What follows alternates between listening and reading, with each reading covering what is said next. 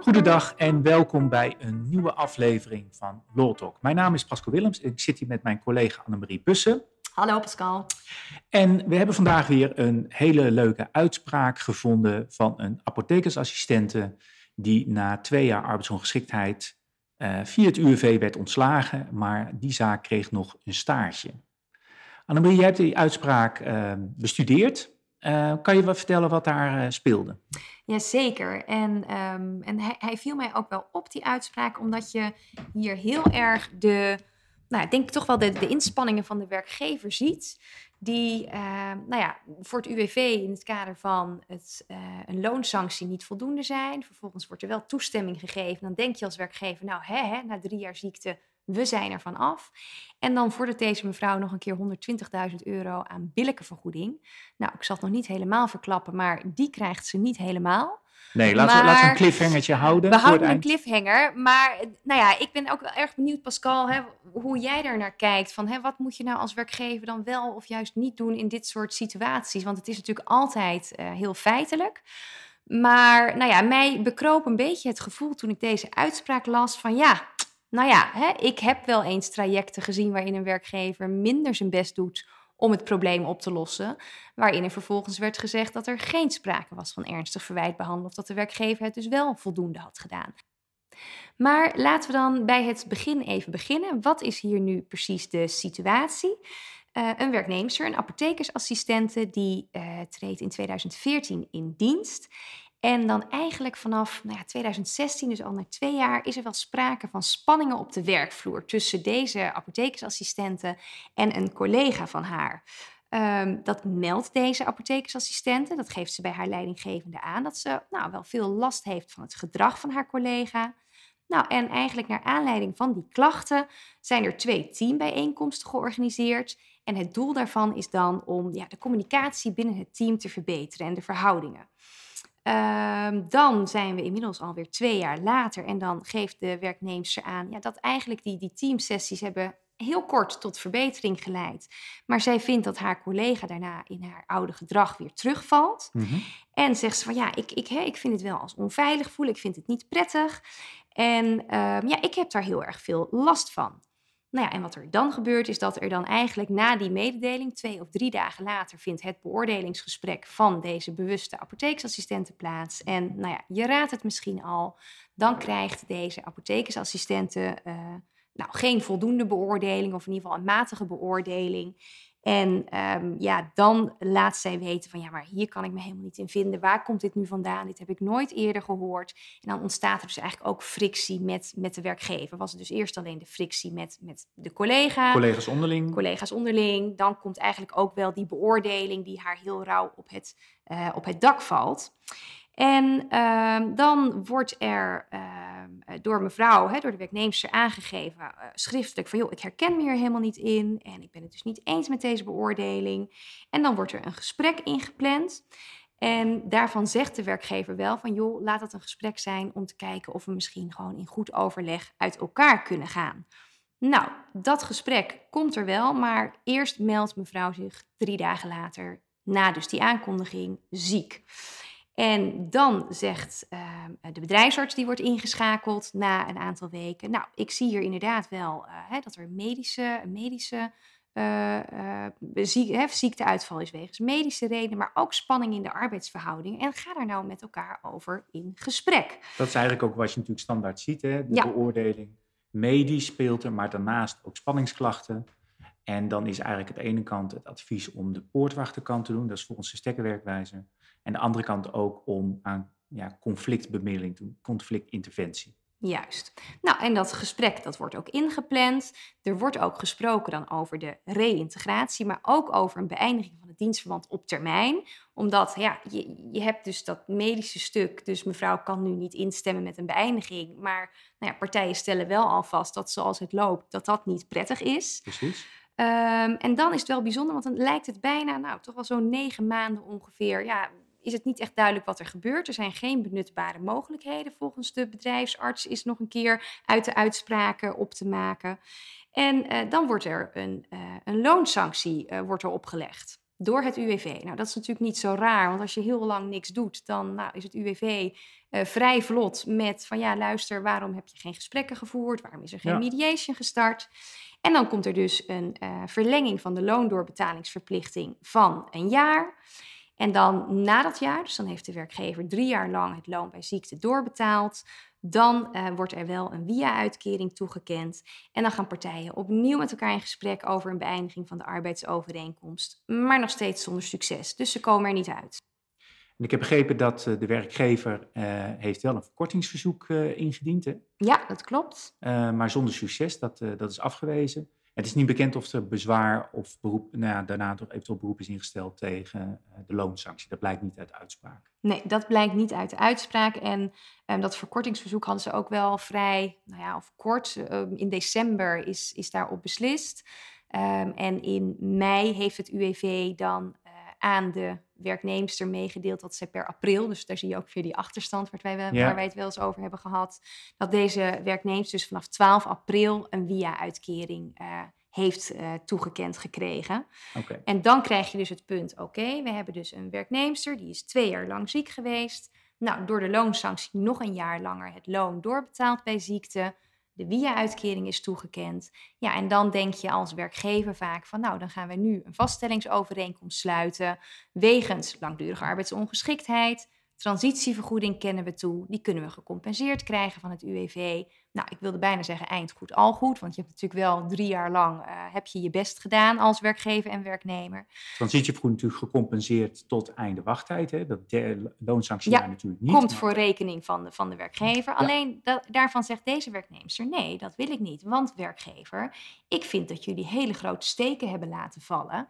En dat hè, vertaal ik juridisch gezien als ernstig verwijtbaar handelen of nalaten.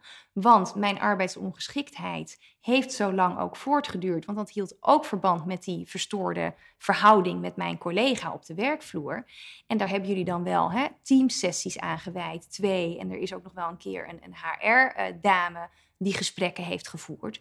Maar als jullie daar nou veel adequater hadden gehandeld, mij niet hadden overvallen met zo'n teamsessie, maar bijvoorbeeld gewoon mediation hadden, uh, hadden voorgesteld, ja, dan, dan was het niet zo ver gekomen. Dus ik vind het feit dat mijn arbeidsovereenkomst nu dan zou moeten eindigen wegens arbeidsongeschiktheid, langdurige arbeidsongeschiktheid, dat komt voor jullie rekening en risico en betaal daar ook maar iets voor. En wat werkgevers eens denken van, nou, ik heb al een jaar extra doorbetaald, dus ik heb mijn boete gedaan, zullen we zeggen. Daarvan wordt door deze medewerker gezegd, ja, maar dat uh, leuk en aardig, maar ik eis inderdaad gewoon een billijke vergoeding. Uh, vanwege wat jullie mij hebben aangedaan, even heel plat gezegd. Ja, in het kader dan van die vaststellingsovereenkomst. Doe mij maar iets meer dan alleen die transitievergoeding. En beste werkgever, ik ben ook niet achterlijk. Ik weet, die wordt gecompenseerd. Dus um, hè, als jullie inderdaad met mij een regeling willen treffen, dan moet daar een hogere vergoeding dan alleen maar die uh, transitievergoeding. En dan, hè, dan hebben we het niet over één maand erbij. Maar deze mevrouw wilde echt wel significant meer krijgen. Is hier uiteindelijk die vaststellingsovereenkomst gesloten, maar dan een uitzondering gemaakt van we kunnen nog over de billijke vergoeding? Of is het niet gekomen tot een vaststellingsovereenkomst? Nee, nee, partijen zijn er niet uitgekomen in overleg. En dan is de stap die de werkgever dan natuurlijk kan zetten... dat er opnieuw bij het UWV, maar dat is natuurlijk een andere afdeling... dat daar toestemming wordt gevraagd om de arbeidsovereenkomst op te zeggen... wegens langdurige arbeidsongeschiktheid. En die toestemming is ook gegeven door het UWV. Dus daar is een procedure gevoerd, daar is toestemming verleend... er is opgezegd met inachtneming van de opzegtermijn... En dan zegt de werknemster: ja ho, jullie denken nu misschien, hè, je betaalt de transitievergoeding, je krijgt het ook gecompenseerd. Maar ik ga naar de rechter, want ik vind nog steeds dat jullie ernstig verwijtbaar hebben gehandeld. Dus ik wil een billijke vergoeding. En de werknemster vroeg een billijke vergoeding van 120.000 euro bruto. Dat was onder andere het uh, verschil in loon wat zij in het tweede en derde ziektejaar had gekregen bij ziekte. Want dat was naar 70% gegaan. Dus mm -hmm. dat kwam op ongeveer 16.000 euro bruto. Plus zei ze, even uit mijn hoofd hoor, ik ben nu 55, anders had ik hier tot mijn 65ste met heel veel plezier kunnen werken. Dus ik wil gewoon het loon over de hè, komende 10 jaar. Die had een klein beetje gedacht, ik zet hoog in en dan zien we wel waar het schip strandt. En waar strandde het schip? Ja, waar strandde het schip? Um, het schip strandde wel, maar uh, nou, je zou kunnen zeggen dat er toch wel wat gouden ducaten ook aan boord waren. Want er werd door de kantonrechter wel een billijke vergoeding toegekend van 27.500 euro bruto. Zo. Natuurlijk een stukje minder dan wat mevrouw gevraagd had. maar wel een fors bedrag. Want ehm, als ik het goed heb, was de transitievergoeding nog geen 5000 euro netto. Dus je kunt echt wel zeggen dat daar door de kantonrechter werd aangegeven: beste werkgever, je hebt hier grote steken laten vallen. En dan is het ook wel aardig als je inderdaad de uh, overwegingen van de kantonrechter ook ziet. Die zegt van ja, ik ga mee in het verhaal van de werknemer dat als de werkgever veel meer had gedaan om het conflict op de arbeidsvloer tussen die collega's onderling om dat op te lossen, ja, dan was mevrouw nu niet op dit punt aangekomen dat haar arbeidsovereenkomst beëindigd was. Hè? Er, er, werd een kausaal mhm. verband aangenomen tussen het feit dat wegens langdurige arbeidsongeschiktheid nu de arbeidsovereenkomst beëindigd was met toestemming van het UWV en het feit dat, um, hè, dat de werkgever meer had kunnen doen. En dat is een punt waar ik wel heel erg benieuwd ben naar hoe jij er tegenaan kijkt. Want wat had deze werkgever nou gedaan? Nou, ik heb het al genoemd. Er zijn dus uh, teamsessies onder leiding van een professional georganiseerd. Dus niet hè, de werkgever zelf, maar die heeft echt wel een externe ingeschakeld om dus die sessies te begeleiden. Ja, en er was ook een hele mooie naam bij. Nou, iets met, met hè, communicatie en met elkaar. En dat was hè, dus, dus niet zomaar iets, maar dat zijn echt wel een paar heidagen zijn dat geweest. Um, maar ja, die hebben niet tot een oplossing geleid, zegt de, zegt de rechter. Dat klopt. En dan staat er, de werknemster die had gerekend op een mediation met haar collega, werd onvoorbereid geconfronteerd met een teamsessie. En zij heeft dat als onveilig ervaren. Ja, en dat vind ik dan toch wel een lastige. Kijk, want dat mevrouw dat zo heeft ervaren als onveilig, ja, betekent dat dan ook dat je als werkgever meteen dus een steek laat vallen als jij kiest voor die teamsessies? In plaats van mediation. En dan zit je heel erg in toch wel, vind ik, een subjectieve weging. Ja, ik denk dat de kantonrechter uh, eigenlijk haar eigen beleving uh, daar wel een beetje op geprojecteerd heeft. Van, eigenlijk lees je dan tussen de regels door dat de kantonrechter zegt, en ik kan me goed voorstellen dat zij dat als een overval heeft mogen ervaren. Uh, deze werkgever heeft in ieder geval wel geïnvesteerd. Hè, want die heeft dus Absoluut. tien dagen. en dus daar wel in ieder geval aandacht aan, aan besteed. Ehm, en dan is het, als dit de uitkomst is uiteindelijk na en een loonsanctiejaar en nog eens een billijke vergoeding van 27.500 euro, is dat best een hard gelach natuurlijk. Nou, vind ik wel. Kijk, en, en wat de rechter ook zegt, ja, van de werkgever had mogen worden verlangd dat zij nadat de werknemster begin 2018 het probleem nogmaals onder de aandacht had gebracht, alsnog een mediator had ingeschakeld. Dus eigenlijk zegt de kantonrechter: oké, dus die teamsessies hadden maar even verbetering. Ja, en daarna had u dan toch voor, de, hè, voor het mediation traject moeten gaan. Maar daar heeft de werkgever, lees ik zo in, hè, heel sumier in deze uitspraak, daarvan heeft de werkgever gezegd: ja, maar dat was helemaal niet zinvol, want er waren meerdere collega's met wie zij niet helemaal lekker, hè, lekker liep. Dus met wie had je dan allemaal wel niet een mediation traject moeten starten. Dus vandaar dat we ook voor dat, nou ja, dat collectieve, hè, die collectieve sessie hebben gekozen. Ja, dat kan natuurlijk wel in de vorm van, van groepsmediation. Hè. Dat komt wel vaker voor. Uh, nou weet ik niet waarom de kantonrechter in dit geval heeft geoordeeld dat uh, die heidagen onder leiding ook van een professional niet voldoende waren, maar dat groepsmediation dan wel doorslaggevend zou zijn. Klinkt een beetje alsof de kantonrechter zegt: werkgever, je bent te vroeg afgehaakt. Nou, dat, is, nou ik, dat, zo, dat, dat zegt de kantonrechter later ook. Hè? Want je hebt dus gekozen voor teamcoaching. Nou, dat had je even vooraf met die werknemers ook moeten bespreken. Van luister, dit is het probleem wat jij aankaart. Ik wil het op deze manier bespreekbaar gaan maken, gaan oplossen. Hoe sta jij daarin? Dus dat is, hè, er staat niet overleggen of met goedkeuring, maar je had het moeten bespreken. Dus ik denk dat dat punt een, een, een belangrijk punt is voor de kantonrechter. En er wordt ook nog gezegd van ja, je hebt eigenlijk niet ingezet op conflictoplossing na die teamsessies, maar ben je meteen over die vaststellingsovereenkomst gaan praten. Je bent echt die weg van beëindiging ingeslagen. En um, ja, dat, dat had je. Ja, je, hebt, ja, je had die teamsessies, dat was misschien een goede start geweest. Dan had je daarna toch, wat jij zegt, zo'n mediation in teamverband nog moeten proberen.